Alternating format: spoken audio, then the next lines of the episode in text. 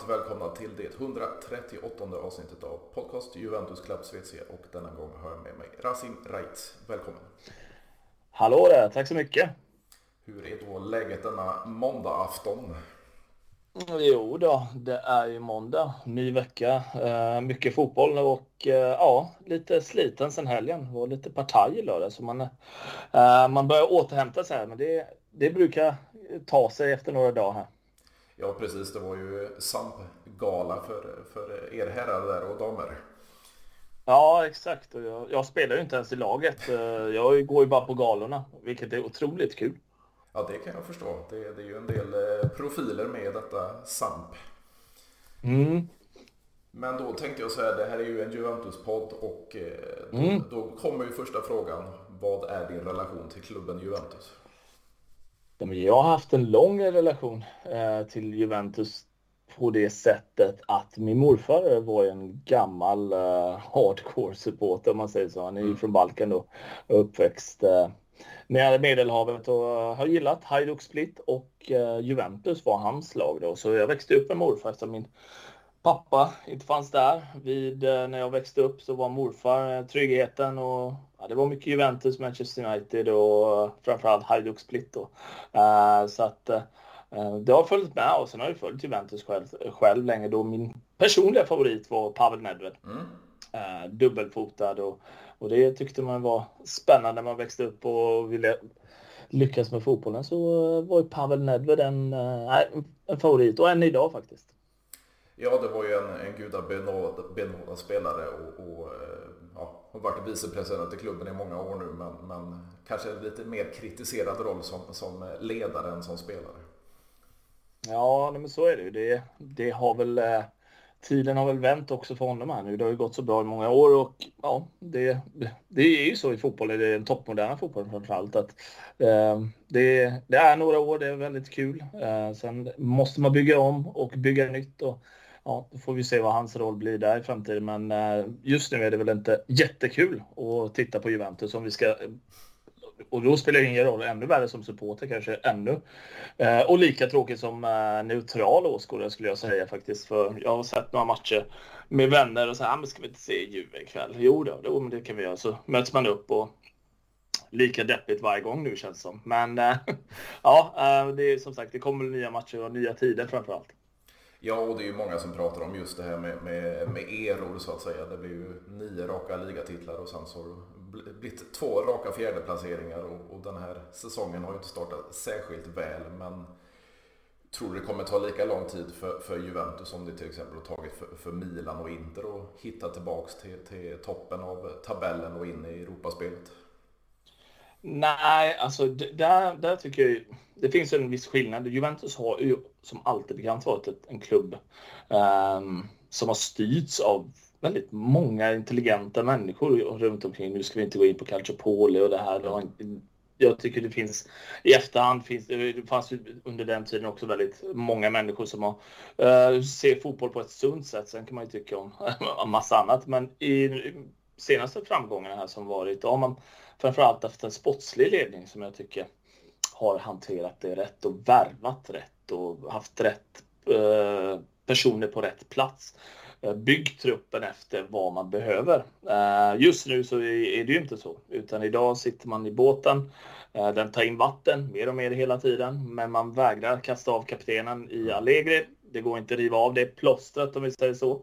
Eh, och det, och det ena bygger på det andra. Man vann, till exempel lyssnade på er podd här senaste efter Turin, derbyt i mm. Turin och man vinner den och man får lite ny luft. Sen går man vinner mot Empoli igen och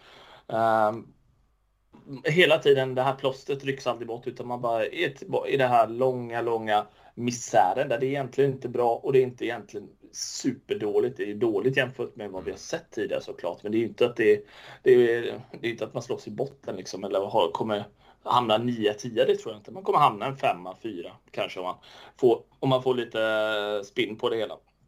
Så att eh, det, det finns väldigt mycket som, som har varit bra men som behövs bytas ut och rättas till. För det är ju lite så. Man behöver ju serva en bil lika mycket mm. när man kör en bil. Någon gång måste ju den servas och ibland hamnar man på en service man kanske det är inte Mekonomen plötsligt utan man måste ha någonting annat. Eh, någonting som man inte var förväntad på. Man tar en dyr service och det visar sig att den var inte bra alls. Och, så att det finns väldigt mycket som behövs rättas till. Men där, jag tror allt kommer börja med eh, att riva det här Allegri-plåstret först. Mm. Ja, det är lite intressant för jag satt och lyssnade på, på dagens Eurotalk och då var Martin Åslund inne på det att han tror ju verkligen inte på, på Allegri på tränarposten i Juventus men spelarmaterialet som, som finns i klubben då kommer man ta sig poäng efter poäng efter poäng nu. Mm. Eh, och då är det ju egentligen bara Napoli och Milan som, som håller en viss nivå i dagsläget. De andra, Lazio, de som är där uppe i toppen, de, de kommer inte hålla en hel säsong. Eh, så Juventus kan ta sig upp då till en, en Champions League-plats för nästa säsong mm. och, och rädda säsongen så att säga. Men, men, som du är inne på, det är ju inte många som har förtroende för, för Massimiliano Allegri. Nej men så är det ju och framförallt det, jag tror ni var inne på det förra veckan också, att eh, vikten av att knipa den där Champions League-platsen. Det, är, alltså det är ju inte, vad är det, fem poäng upp just nu, sex mm. kanske. Uh, så att det är ju inte hela, det är klart att Juventus som klubb kan uh, ta ikapp. Man har ju faktiskt bara förlorat två matcher den här säsongen i ligan. Man har fem oavgjorda, fem vinster, fyra oavgjorda. Eh, så att man har ju bara förlorat två matcher hittills så det finns ju självklart stora chanser att eh, haka på det upp. Och nu verkar det ju som att verkar. Champions League har inte varit någonting att himla om och under tiden vi spelar in där så eh, imorgon när det släpps kanske eller så, så är det ju dags för Champions League. Eh, och det är ju det är en tragisk eh, soppa som man har tittat på. Eh, men det är också för att det är så mycket problem i klubben.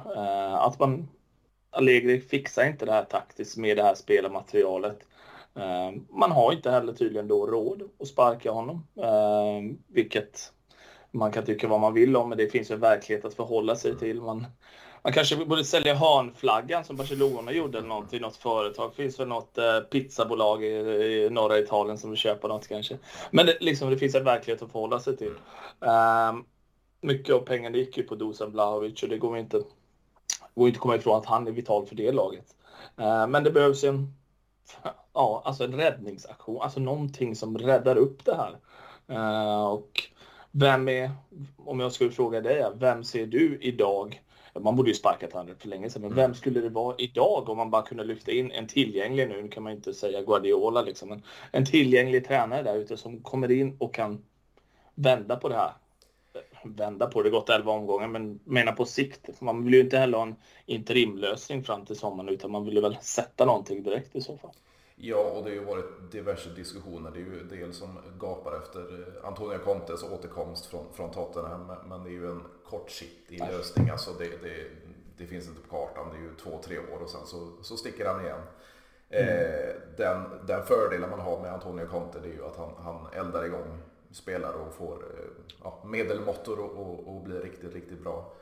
Eh, sen talades det om, om Roberto De Cherbi, men det, det var ju Brighton mm. som det blev där.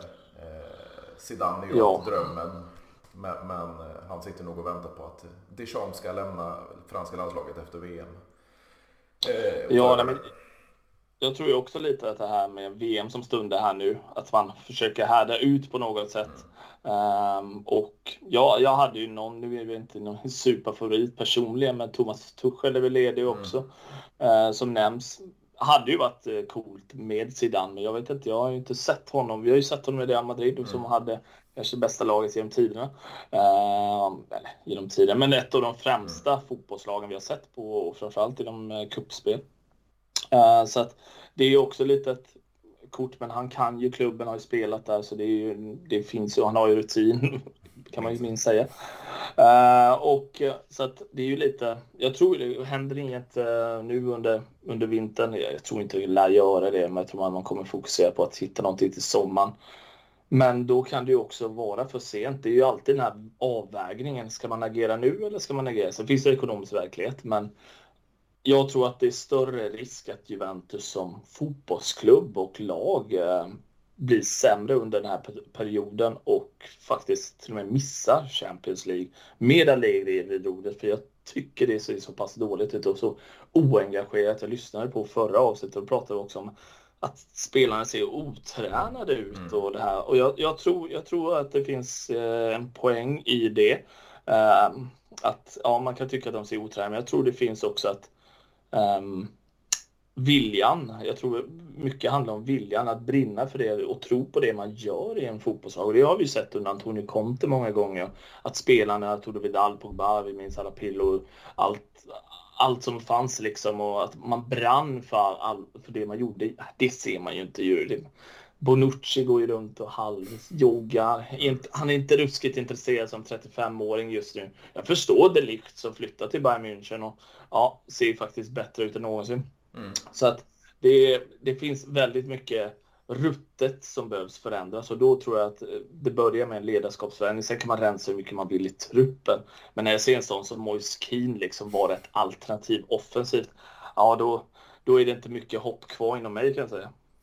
Nej, och det blir ganska skrattretande när man ser det. Alltså, vi, vi är vana att se en, en befolkning mellan, mellan stolparna, ett BBC i försvaret och, och vi hade ett, mm. ett mittfält med, med Pirlo, Marquisio, Pogba, Vidal.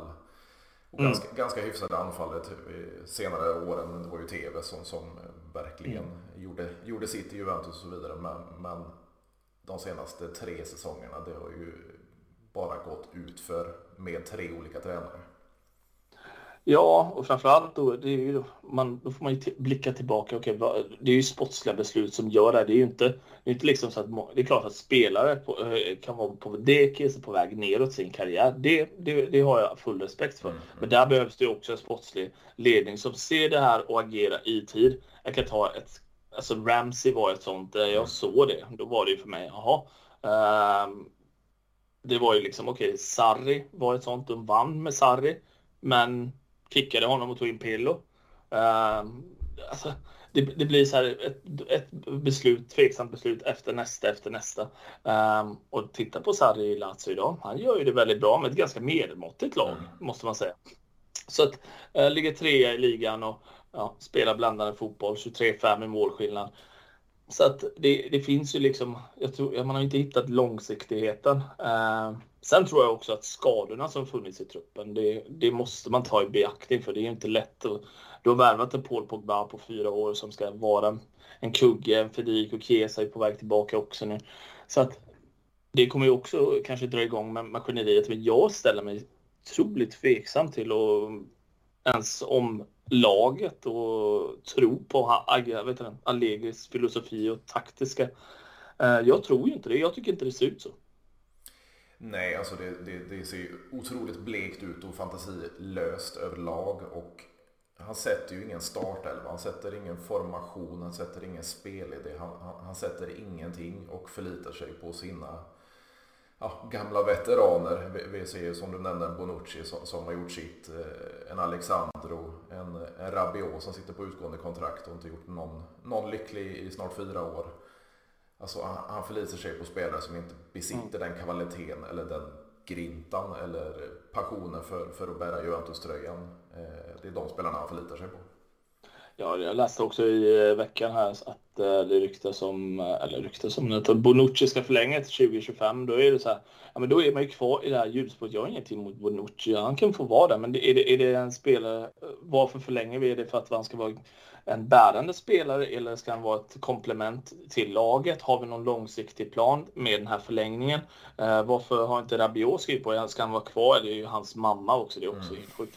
Eh, som liksom går runt och bestämmer vad han ska göra i sitt liv fortfarande. Han är väl hur gammal som helst känns som. Han har varit med länge i alla fall. Men ja, eh, så det finns ju väldigt många frågetecken och det är ju det är ju liksom, vad heter han, Weston McKennie är ju också på väg bort och vad han vill till Premier League för att visa upp sig. Och det skulle vara ännu roligare om han går till Tottenham då som det har skrivits om. Eh, det hade ju varit, ja. Men det, det, jag tycker inte det har funnits någon logik med de här värvningarna och det började långt bak. Jag, det är klart att det var jättekult att se Cristiano Ronaldo där och han visade, han gjorde det bra, det går inte att komma ifrån. Eh, men jag tycker att många beslut därefter har varit väldigt svaga och då sitter man där man sitter just nu. Och, och ta, man tar det som exempel många andra klubbar. Eh, ja, vi kan ta ett Milan som valde att gå tillbaka till grunderna, satsa på yngre spelare, satsa på det som man har och bygga på långsiktigt. Man kan titta på Napolis värvning mm. för den här säsongen. Vad, vad, vad, det, du värvar någon, ja, jag vet inte, någon armén, jag vet inte ens vad han spelar. Uh, men kallar sig själv för Maradona tydligen, men uh, och, och briljant för knappt 10 miljoner euro. Det är ju en scouting också som Juventus har missat och det, det finns en sportsliga ledningen här som är otroligt ansvarig för misären just nu.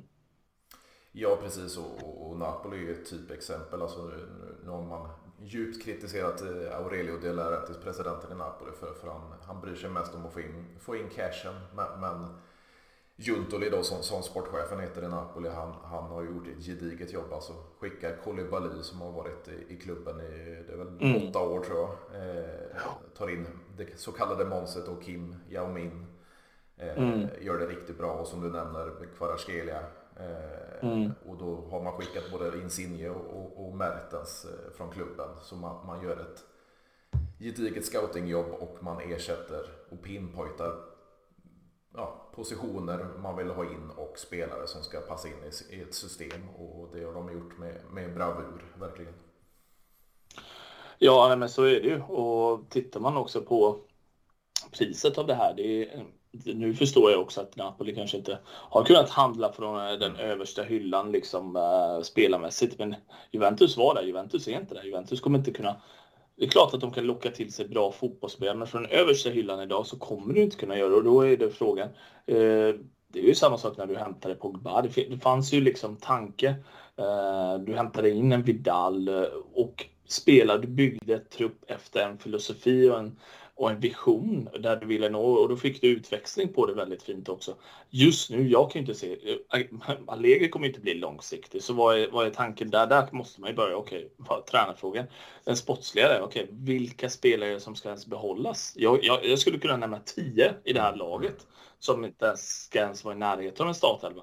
Men det går ju inte heller, du kan ju inte ta bort tio spelare. Eh, så att det kommer ju fortfarande finnas en hel del dödkött kvar om vi, säger, om vi uttrycker oss milt. Uh, och då är ju frågan hur man väljer det. Jag, jag har inte hört eller läst någon form av tanke utan de gick ju ut och backade Allegri här, vilket är Ja, det är väl som det måste man väl göra som klubb om man inte, om, annars blir det ju ännu värre. Uh, om man säger att vi tror inte på honom eller vi, man är tysta och, eller, och så vidare. Då måste man ju sparka honom. Men det har man inte gjort utan man har backat. Uh, och ja, och jag vet inte om det är det rätta.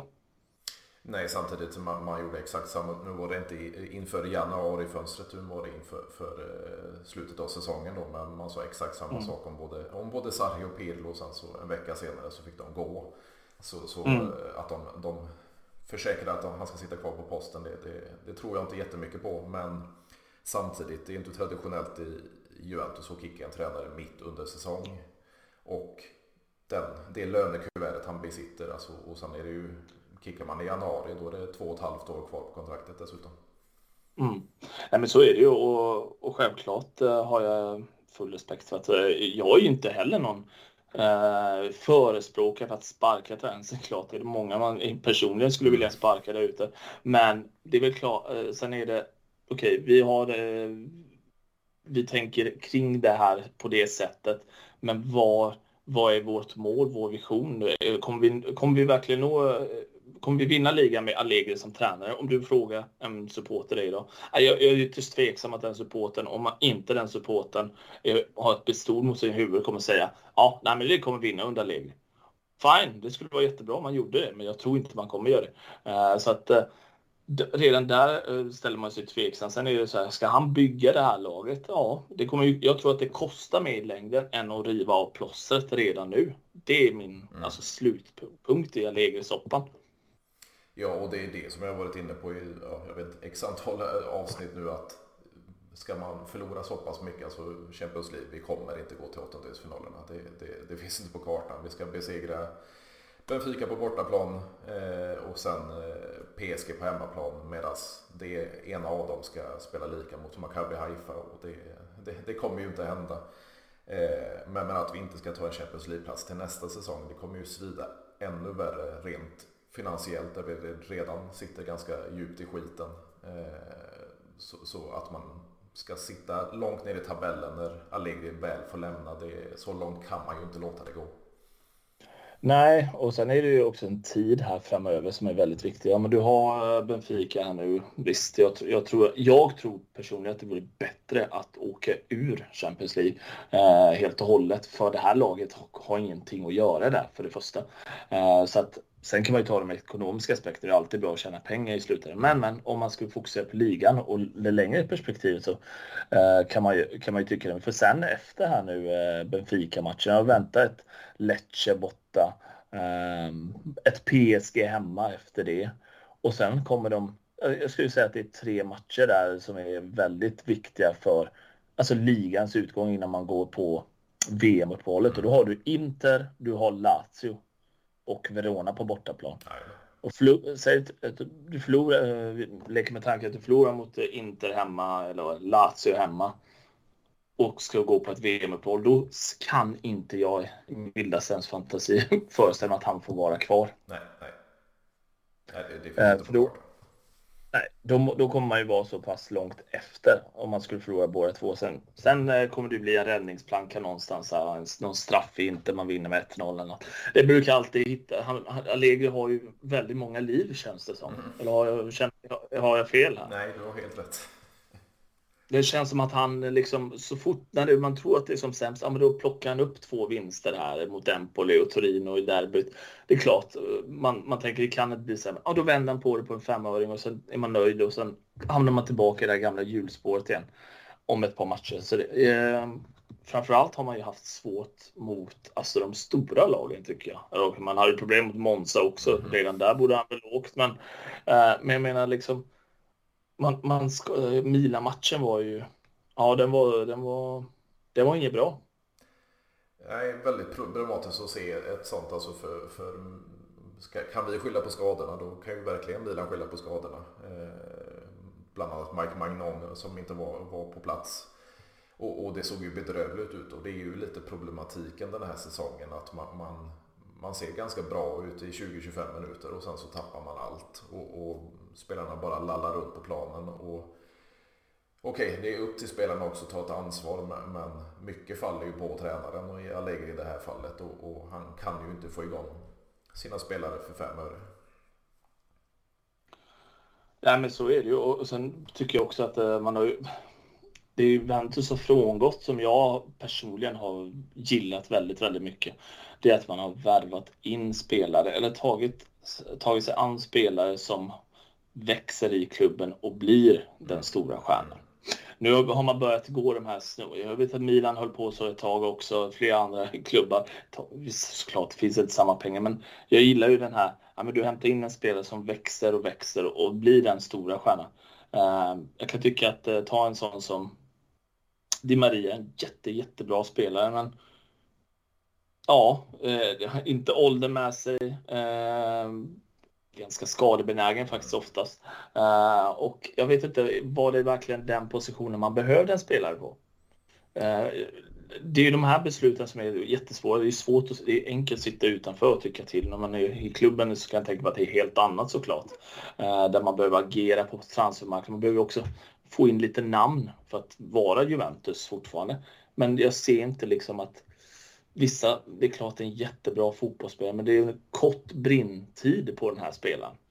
Det, han kommer inte vara bärande i Juventus i tre, fyra år. Um, så, så då, då, blir det för mig svårt att, eh, ehm, uh, uh, menar, att uh, verkligen förstå tankarna bakom det. Ja, det är där om man går tillbaks, du, du nämnde själv eh, Cristiano Ronaldo, om man går tillbaks till de här somrarna. Då var ju den tydliga planen då. Det var Ronaldo, då var det anfallsvapnet som, som tog sig in. Säsongen efter var det Delicht som tog sig in till, till försvaret och sen skulle man ta tillbaks eh, Paul Pogba till, till mittfältet så man hade en, en centrallinje som eh, var av världsklass. Eh, sen kan man ha mycket åsikter om värvningen av Ronaldo. Målen gör han men lagandan och lagspelet som Juventus har gjort sig kända vid, det, det försvann ju lite med den värvningen. Eh, och så, som du sa, det gick ju som det gick med Delict också, han vill ju lämna. Mm. Eh, Nej men så är det ju. Och det, det är ju det är lite de här Eh, besluten som man tagit som har lett hit. Och sen kan man kan kritisera väldigt mycket Allegri och det kan man göra med all rätt. Men jag tycker också att det finns ett enormt ansvar som spelare också. Jag kan säga det finns många spelare som ser faktiskt helt ointresserade ut. Mm. Uh, och det är ju också, det faller ju såklart också tillbaka på tränare att man inte kanske lyckas motivera. Men för min del är det, om du inte är motiverad som fotbollsspelare i en av världens största klubbar, då kanske inte fotboll är din grej. Uh, eller du kanske ska spela en annanstans där du blir motiverad, där du kanske tycker det är kul och så vidare. Men jag tycker att den faktorn har ju också varit uh, väldigt tydlig. Man kan nästan se det genom tv-skärmen bara. Alltså, det här sista, det är inte ett, jag tror Martin var inne också på det, Åslund där, mm. eller om det var Erik Niva i någon sändning alltså i Champions League. Um, det var mot Maccabi Haifa tror jag. Och det, det är inte så att Juventus har blivit ett fruktansvärt mycket, mycket sämre lag eller att Quadrado var det som inte kunde slå inlägg i den matchen. Mm. Att de har inte blivit mycket sämre spelare, det är ju en moralfråga i truppen, i ledarskapet och sen såklart i det personliga att man inte uh, att man inte har det här gemensamt. Det känns inte som att det är lag i harmoni på något sätt, varken på plan eller utanför plan. Eh, och du brukar ju börja oftast utanför plan. Har du harmoniskt utanför så brukar det se ganska bra på plan också.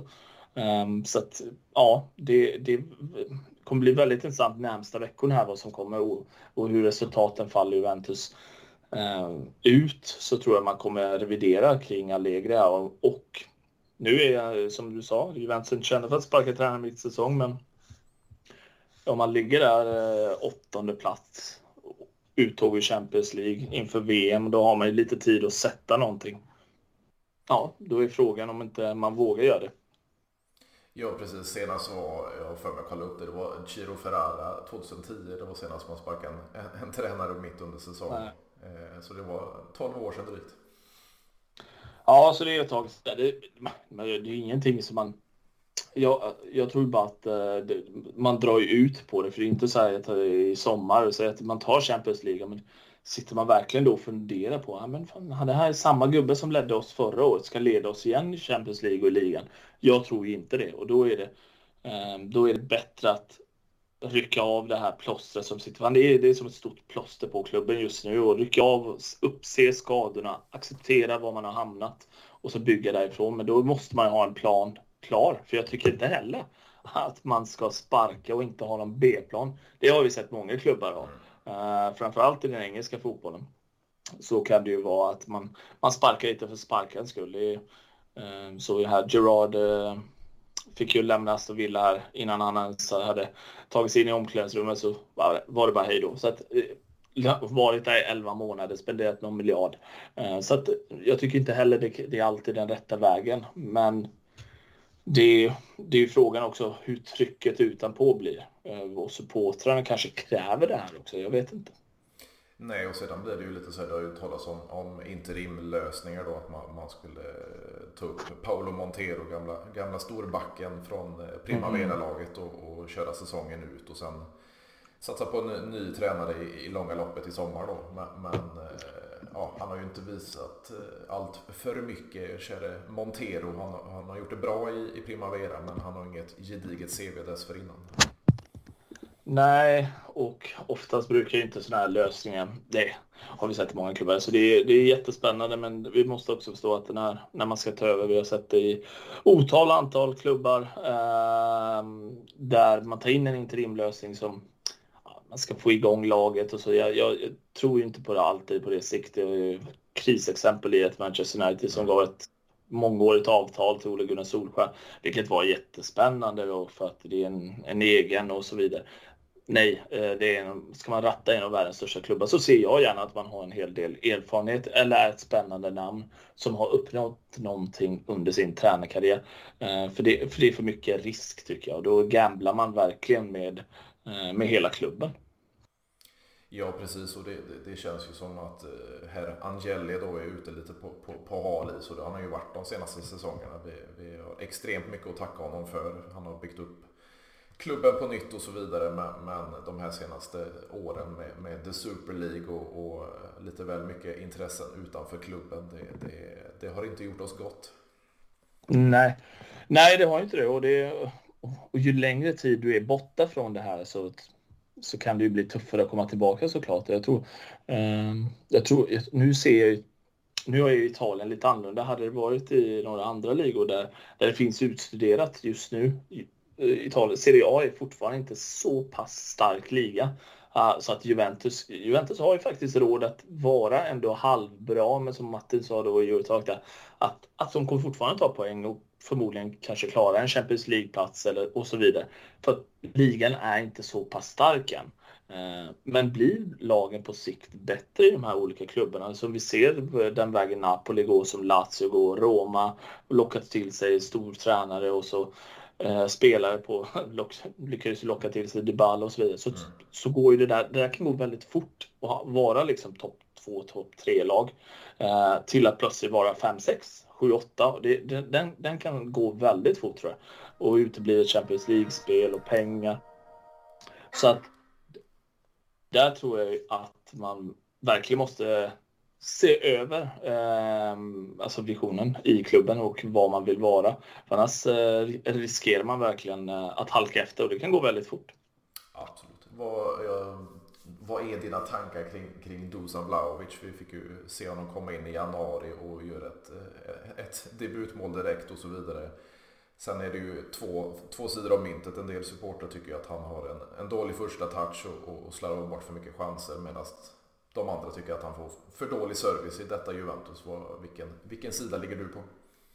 Nej, men jag är väl av, jag hyser stor respekt för Vlahovic. Jag tycker det är en fantastisk fotbollsspelare. Det är kul att han valde Juventus, att han vill vara kvar i ligan. Och, men det, jag tror ju däremot för det första, eh, om vi börjar så, att han kommer bli svår att behålla på sikt. Ehm, jag säger eh, det kan gå ett år, två, eh, så kan vi, så kan vi bli av med Dusan Vlahovic där. Juventus, så det är inte helt omöjligt. Däremot det du säger, jag tycker att han ett har um, fått för dålig uppbackning av den taktiska delen som kommer dels från Allegris sida. Jag tycker man spelar honom lite fel, eller spelar inte honom fel utan man sätter inte honom i de lägena som man vill ha honom hela tiden i. Det är ju ett. Sen har han ju spelat nu eh, med, med vad heter han? Milik som anfallspartner. Och det, Ja, det var länge sedan Milik var bra kan jag väl också tycka. Det, det är lite så här, jag, jag, skulle gärna se, det var en annan grej att se honom med Dybala. Det var en spelare som hämtade mer boll. Det, det är helt annorlunda eh, tänk kring formationen. Eh, så att eh, där eh, finns det också en problematik att det är lite för lika spelare, tycker jag. Eh, för min smak i alla fall. Så att det finns väldigt många små faktorer som har påverkat honom, men eh, det är ju fortfarande en av de absolut främsta målskyttarna i Serie A och eh, jag tror han kommer bli, för det första kommer han bli väldigt eh, sevärd under mästerskapet här som kommer i VM.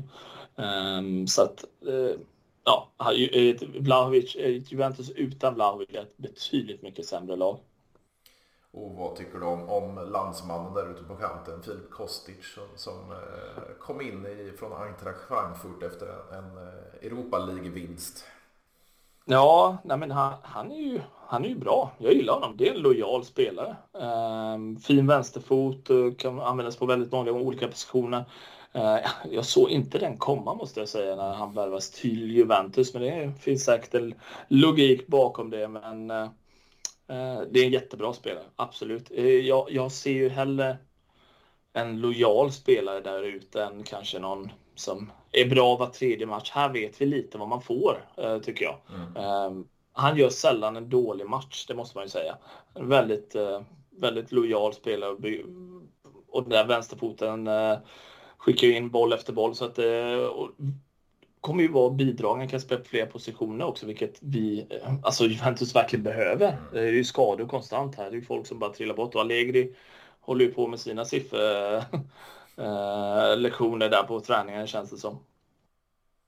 Ja precis. Och det, det har ju kommit, kom väl eh, skriverier idag då att han, han, gillar hans mångsidighet, att han kan spela som en offensiv eh, ytter, han kan spela på, på en ytterposition på ett fyra eller fem manna mittfält och han kan även komma att användas då som en ytterback lite längre ner i banan. Och det är ju det är verkligen något som, som Juventus inte besitter i dagsläget med, med en Alexandro till vänster och en en Quadrado då som inte är en högerback och sen har vi De Chilio och Danilo där bakom.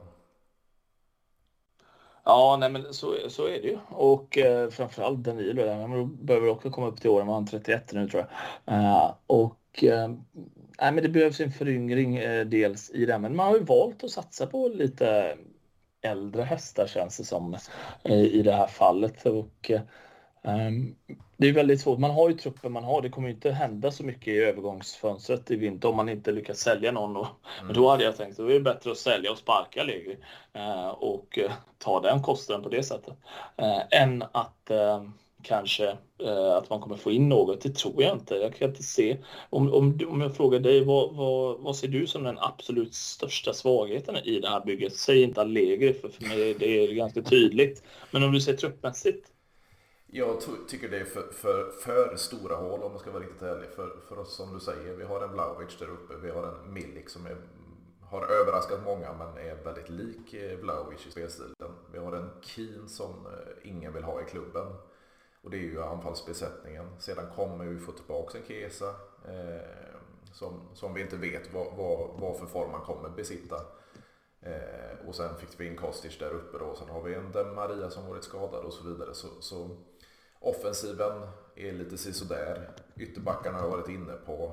Eh, mittfältet sitter ju än så länge inte. Nu får vi ju se en Pogba återvända då. Se hur, vad han kan eh, åstadkomma. Locatelli har ju använts i fel position i min värld. Han har varit alldeles för, för, för defensiv. Jag vill ju se honom som en, en offensiv Metsala. Eh, Paredes kom in. Eh, vissa tycker att han har eh, gjort det riktigt bra. Vissa tycker att det inte alls ser särskilt bra ut. Eh, och sen har vi en, en, en backlinje då. Bonucci är, är alldeles för stor säkerhetsrisk. Bremer gillar jag, det, det, det är säkerheten själv. Men mm. bakom där, vi, vi, vi har en otestad Gatti och vi har en Rugani av alla. Så, så det finns för mycket hål att, att fylla helt enkelt.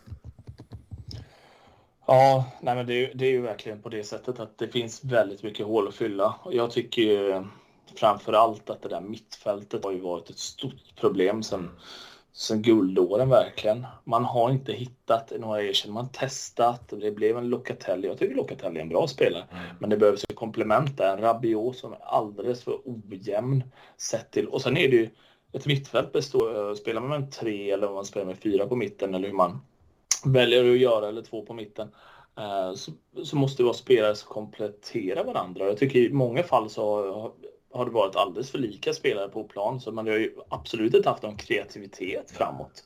Uh, förut uh, så hade man ju en André Pirlo som kunde hämta bollen och smacka upp den liksom på vilken fot på läktaren som helst. Skulle sätta det högst upp på, uh, på kurvan och få den på läppen liksom. Den foten finns ju inte där längre. Du har en Rabiot liksom som ser ut som en giraff där när han eh, springer runt det saknar man och det tycker jag inte man har ersatt för det mycket börjar ju med att eh, man vinner boll. Eh, Juventus vill ju vinna boll högt upp och har ju velat det i många år.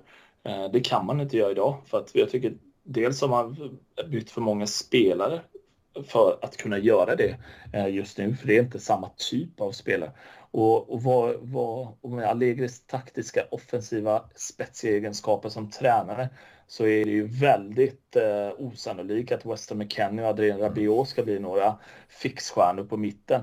Det drar mig bara tillbaka till den där Diego man värvade från Wolfsburg, kommer jag ihåg. Det var, då, då, satt, då satt man och svettades du. Ja, jävlar.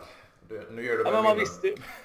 Ja, men jag ville bara lyfta det. För det var, det var något som präntat sig fast. Liksom. Och, och, och, det är lite så här att eh, han var ju fantastisk i Wolfsburg som vann ligan där för uh, och sålde halva laget, så här, Grafite, Dzeko och Diego bakom Simovic. Ett otroligt lag. Men sen var det, man visste ju det. Men när han kommer till Juventus, det här kommer ju bara floppa. Det var ju liksom, det kommer inte gå.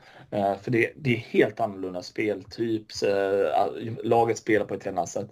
Och det är ju det som eh, är det stora grundproblemet i vänster idag. Det är att man har en taktik som man som ingen ser, men någonstans finns det. Och sen har man spelare som absolut inte är anpassade för det. Och, eh, Eller absolut, men de har väldigt svårt att ta till sig så vill de inte ta till sig det. Eh, och där, där tycker jag liksom att man, det behövs en, en rejäl förändring på det här mittfältet framför allt. Ja, det, det, det, det, är ju det här som är problematiskt. Alltså, vi, vi hade en Antonio Conte tre år, vi hade Allegri fem år. Sen så har man ju börjat vela något kopiöst med, med Maurizio Sarri. Treårskontrakt, sparkar efter en. Eh, I mångas värld, inklusive min egen, så, så eh, ja, sätter man en tränare som Maurizio Sarri på, på tränarposten så får man ju ge honom tid. Man får ge honom spelarmaterial för, för hans eh, spel och så vidare. Eh, men man väljer att kicka honom. Man tar in Andrea Pirlo som aldrig har lett en klubb som tränare. Han var väl eh, på, på eh, U23-posten i, i sex dagar tror jag innan han skrev på för, för seniorlaget. Kickar efter en, tar tillbaks Allegri och, och börjar fasa ut spelare. Vi fick ju som du nämnde se en, en, en Dybala lämna, vi har sett en Chiellini lämna. Bernadeschi, eh, nu i sommar så, så sitter ju Quadrado, Alexandro, eh, Rabiot och så vidare på utgående kontrakt. Och när man inte vet var, var man ska gå någonstans, vilken tränare man kommer ha, hur ska man då kunna göra mm. en, en, en marknad framöver, vare sig det är januari eller nästa sommar? Nej, men så är det ju. Och, äh, men det, det, man kan ju prata i all oändlighet mm. om, om det här äh, truppbygget och, och, så vidare. Det finns väldigt mycket man behöver. Jag tror Eh, Eh, steg nummer ett är liksom rädda det som räddas kan. Börja eh, med eh, ett tränarbyte och då vill, jag se en, då vill jag se en långsiktig satsning och ett tydligt vad man vill uppnå. Mm. För det här är också något som jag tror i grunden kommer påverka till exempel sån som Vlahovic eller någon annan stor spelare i laget. De är få idag. Men som kan påverka oss kanske inte tror på det här. Och jag tror också vikten av att få in en tränare som nej, men en mästare. Jag, det tror jag laget kanske behöver snarare än, än en chansning. En chansning till, det kan vara liksom förödande. Ja, och det är ju lite som, som eh, tidigare gästen var inne på det här med, med om man ska kicka Allegri, då får man nästan kicka dem som satte Allegri på posten och det är ju en viss André Angeli då som, som eh, tog tillbaka honom och då, då, får man ju diskutera hans eh, framtid på, på presidentposten också. Så det är ju grova eh, renoveringar av klubben som vi talar om. Vi har ju redan ja. fått se en Beppe Marotta då lämna. Man tog och gav taggpinnen till, till Fabio Paratici och vi såg ju hur det gick. Eh, och sen då tar man in eh, Mauricio Arevebene och Federico Cherubini på, på de ledande posterna. Och Även fast de gjorde en, en bra marknad så finns det ju som vi varit inne på mycket hål att fylla. Det finns mycket att göra i, i truppen och tränarposten är nog den allra viktigaste av alla dessa delar och där, där har, vi det inte, har vi det inte tjockt så att säga. Nej, och jag fick precis till mig lite ehm, startelva här. Mm. Alltså hur det kanske ser ut imorgon med Chesney mål, Danilo, Bonucci, Alexandro, Quadrado, McKennie, Locatelli, Rabiot, Kostic, Vlahovic, Milik. Lite, för, lite förväntat. Det var det preliminära. Det kanske blir någon ändring. Ja, det är gärna se lite yngre spelare, men ja. Um, jag vet inte exakt vem man skulle vilja se. Samtidigt så måste man ju ha det med om man skulle vilja sälja spelare. Det är ju också en del av verkligheten. Att mm Eh, Eh, ska du sälja en spelare bli av med så måste den spela lite så att det finns något att visa upp om man vill sälja. Det, eh, det går inte bara att skicka upp på läktaren, vi såg ju det har gått. Eh, så att ja, det, det är lite oroväckande tider för klubben Juventus framförallt. Och det är som du säger där när du är inne på ledningen och styrelsen och så vidare där uppifrån. Och börjar man göra förändringar där. Alltså, jag är helt övertygad om att fotbollen har förändrats så pass mycket de senaste 20 åren att det finns inga de här långsiktiga tioårsprojekten. Det, det, det är väldigt få förunnat. Ja, det går i ett par stora klubbar men de absolut bästa världstränarna. Liksom. De kan vara kvar ett bra tag. Eh, men det är väldigt få. Det känns som det börjar bli så här att du kommer till en klubb, du har tre till fyra år max. Eh, där du ska sätta spelet, prestera, vinna titlar, gå vidare mer än så liksom är svårt att få ut. Eh, Framförallt vi såg det, Antonio Conte är en sån tränare som kommer dit, sätter det, vinner någonting, går vidare. Ehm, och det är frågan om man vill ha en sån klubb, att man gör de projekten, eller om man vill ha långsiktighet. Jag är ju för långsiktighet, men jag, ser, jag tycker det ser med sällan, uh, med, sällan långsiktiga lösningar eh, funkar på, alltså, i så många år. Att, uh, vinner man två, tre år, vinner man inte år fyra, fem, Um, Ja, då plötsligt börjar ju, då, då sitter man inte som supporter och säger ja men det är lugnt, vi vinner år 6-7.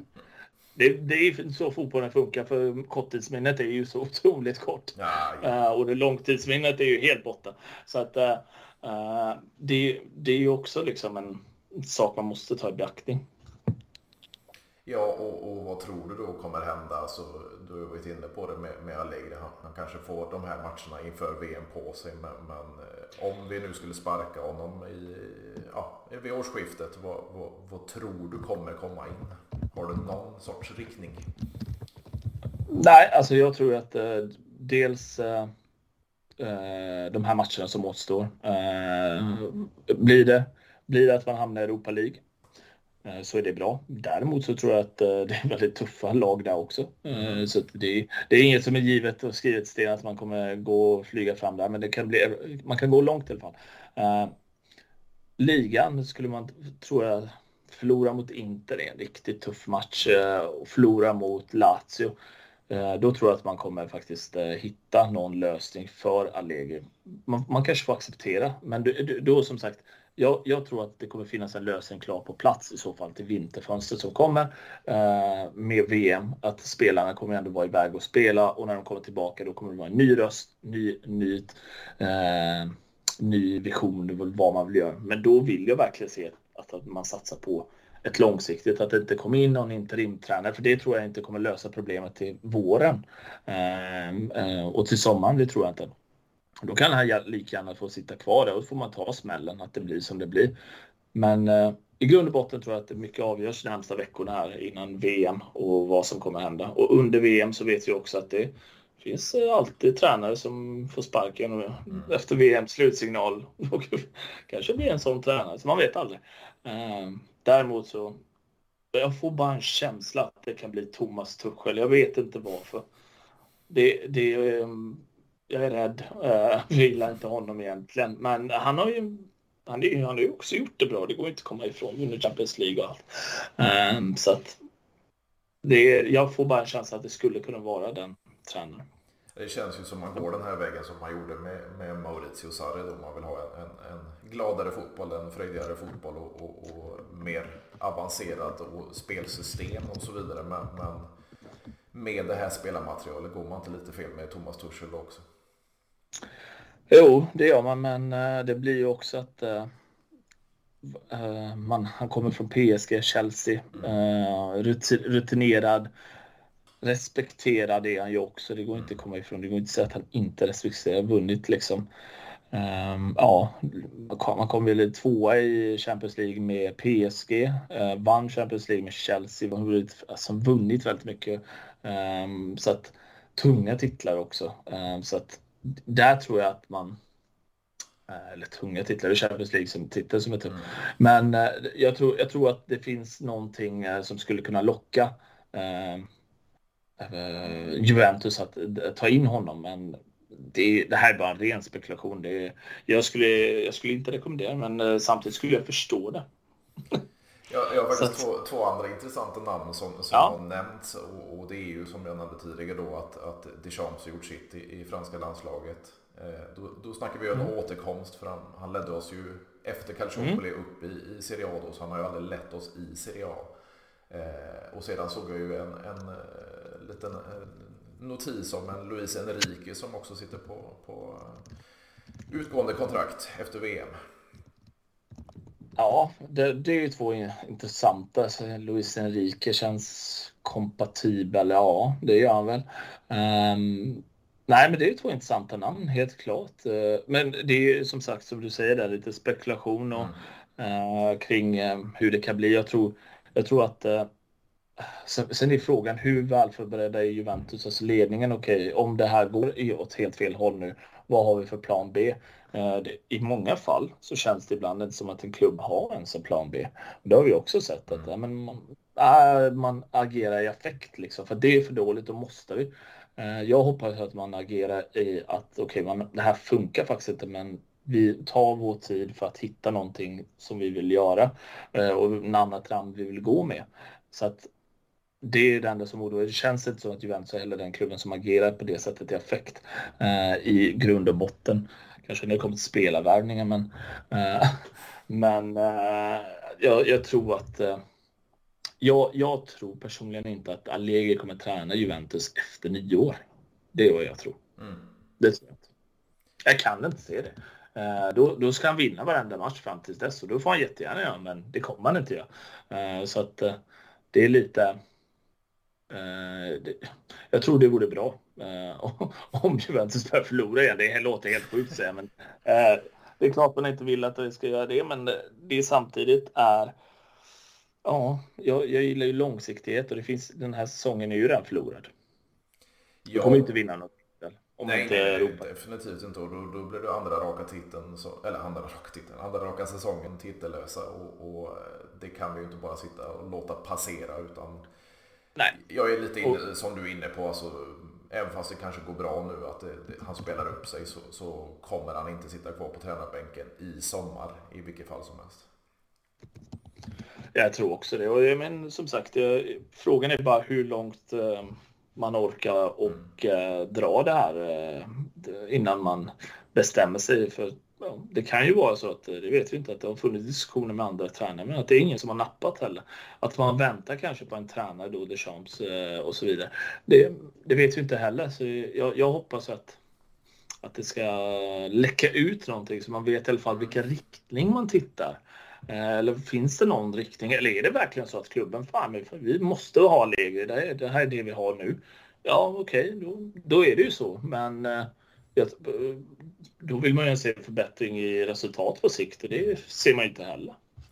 Nej, och det är ju lite sådär då, när jag sitter ju och läser kommentarer på, på min Juventus-sida där, där fans är inne mm. på att ja, Exor som, som äger Juventus då, att de, de sitter ju stenrika och går med, med många, många, många miljoner i, i vinst varje år. Men vi vet ju hur, hur, hur det ligger till med Financial Fair Play och så vidare. Vi har gått 250 miljoner back. Mm det senaste året. Eh, pandemin ja. slog ju extremt hårt. Vi har, vi har gått in med kapitaltillägg från, från aktieägare mm. och så vidare. Vi, vi kan inte bara slösa, slösa pengar.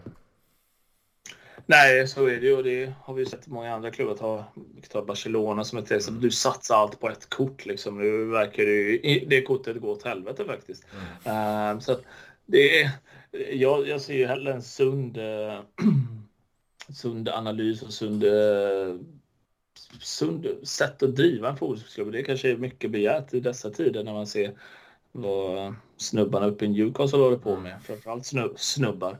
Eh, så, så är det ju såklart eh, eh, jobbigt. Men det, det, det, finns alla möjligheter liksom att Juventus återigen blir det där stora topplaget som slåss om titlar. Men jag har faktiskt svårt att se att det kommer ske de närmsta 5-10 åren. Uh, alltså det kan ju gå jättefort såklart. Komma in Zidane mm. nästa år värva in tre spelare som är Champions League-från. Det är klart det kan gå så, men den procentuella chansen att det sker är väldigt liten. Um, så att just, uh, på, på lång sikt så får man nog kanske förbereda sig lite för, uh, för lite hårdare tider. Va? Lite konjunktur i titlarna. Mm. Jo men det är ju liksom så att man, man, får ju se hur det gått de här tre senaste säsongerna och det, det bådar ju inte gott och det ser ju inte bättre ut just nu med, med tredje tränaren på, på lika många år och, och med tanke på hur det finansiella läget ser ut helt mm. enkelt så, så, så kan vi inte bara casha in och, och eller casha in, för injicera in mer, mer pengar hela tiden och, och det måste ju supportrar förstå också så det kommer ju ta sin mm. tid om man nu inte väljer att satsa på, på lite yngre, yngre spelare i truppen. Ja, framförallt värvad eh, spelare som växlar upp i mm. Juventus. Nu växlar ju varje spelare nästan ner känns det som. Mm. Eh, alltså det finns ju, vi har pratat om det, vad, för det, vad det kan bero på, men jag vill ha de här som kommer in, ta en Dusan Vlahovic, han kommer in som den här stora spelaren som ska, han ska, han ska nå en nivå till. Han ska bli en av världens främsta anfallare. Jag tror det är, det är det man förväntar sig. Jag tror många förväntar sig det. Men frågan är om han gör det i Juventus eller om han går ett steg till och gör det i en annan klubb. Typ Arsenal som det har snackats om tidigare. Men, eller och så vidare. Nu tror jag inte det blir Arsenal, men jag menar bara att det ska ju hända i Juventus och då måste han ha förutsättningar för att det här ska ske. Eh, och flera andra spelare. Jag läste också här i veckan, läst, det har man gjort många veckor jag på att säga, om Zaniolo. Det är ju mm. helt fel väg att gå. Jag vill inte ha en Zaniolo i laget. Eh, det är en bra spelare, men det är ingen spelare som kommer någonsin vinna någonting mer eh, med någon annan klubb. Alltså, nu sticker verkligen ut hakan. Det är ingen dålig spelare, men jag säger bara att det är inte den spelartypen som jag tror att Juventus behöver just nu och lägga 70 miljoner ryktas det. Alltså euro. Nej, och då, då, är det så här, du har ju pratat om Milinkovic Savic i fyra år. Mm. Det går inte ens värva honom längre för det, det, det är liksom så här, han, kommer ju, han börjar ju gå, gå ner sig snart för att vi inte har varit och tagit den okej okay, det kostade 900 miljoner den gången. Ja, då gjorde det. Då skulle du tagit det. Du har haft en innermittfältare av högsta klass. Mm. Det har du inte idag utan du spelar med någon, någon jag vet inte, någon Weston McKennie från någon high school football college. Jag vet inte ens var de är ifrån. Och någon, ja, mammas son, uh, Rabiot på mitten. Och det, mm. det, är klart att det blir någonting positivt av det i slutändan. Och då blir man ju bara förbannad över. Uh, jag har inget emot dem som personer, men som fotbollsspelare gillar jag inte dem. Nej, och, och, sedan blir det ju extremt problematiskt om man tänker på bara, vi har ingen aning om hur han kommer se ut när, när han kommer tillbaka Nej, från den här knäskadan. Ja, Nej, men så är det. Och jag räknar inte ens med honom i den här säsongen något. Det är klart, allt han gör kommer vara bonus mm. om han inte är totalt iskall. Men det är ju väldigt, det är väldigt svårt. Han var skadad, han är ingen matchtränare. Det är ett VM som stundar. Um, det är ju liksom uh, andra halvan säsongen han kan bidra med, känns det som. Ja, och det är lite samma sak med, med Fedoruki Kres. Alltså han, nu har han mm. återvänt till träning efter nio månader vid sidlinjen och de här korsbandsskadorna, det, det, det kan göra mycket med spelare, speciellt med, med någon som Kese då med, med den här ex, explosiva spelstilen. Vi vet ju inte vad han kommer tillbaka till heller. Nej, och det är, det är också oroväckande såklart. Och det finns många skräckexempel eh, där korsbandet gått det är väldigt sällan, eh, eller väldigt sällan, nu har jag ingen statistisk mm. Eh, underlag på det, men min, eh, min känsla är väl att det är svårt att komma tillbaka på exakt samma nivå man har varit på efter en korsbandsskada. Sen det beror ju självklart på när i tiden man får det och så vidare. Men jag, jag bara, jag hoppas allt gott självklart att han ska komma tillbaka ännu bättre, men det är inget som säger att det kommer bli så. Det är bara det. Absolut, absolut. Men jag vill säga så stort tack Rasim för att du, du tog dig tid och ville vara med på och, och, och Självklart, tack så jättemycket. Det var eh, härligt så här måndag kväll få damma av lite känslor efter, efter en ännu en helg i vårt höstmörker. Ja, precis. Och, och få diskutera ett, ett nedgående Juventus, det är väl aldrig fel? Ja. ja, det är fint. Det blev en kaffe i alla fall. Det får, det får man ta med sig. Absolut, absolut. Men som sagt, stort tack Rasim så, så får vi höra så vidare senare. Det får vi göra. Tack, tack. Tack. Ha det gött. Du med. Hej, hej.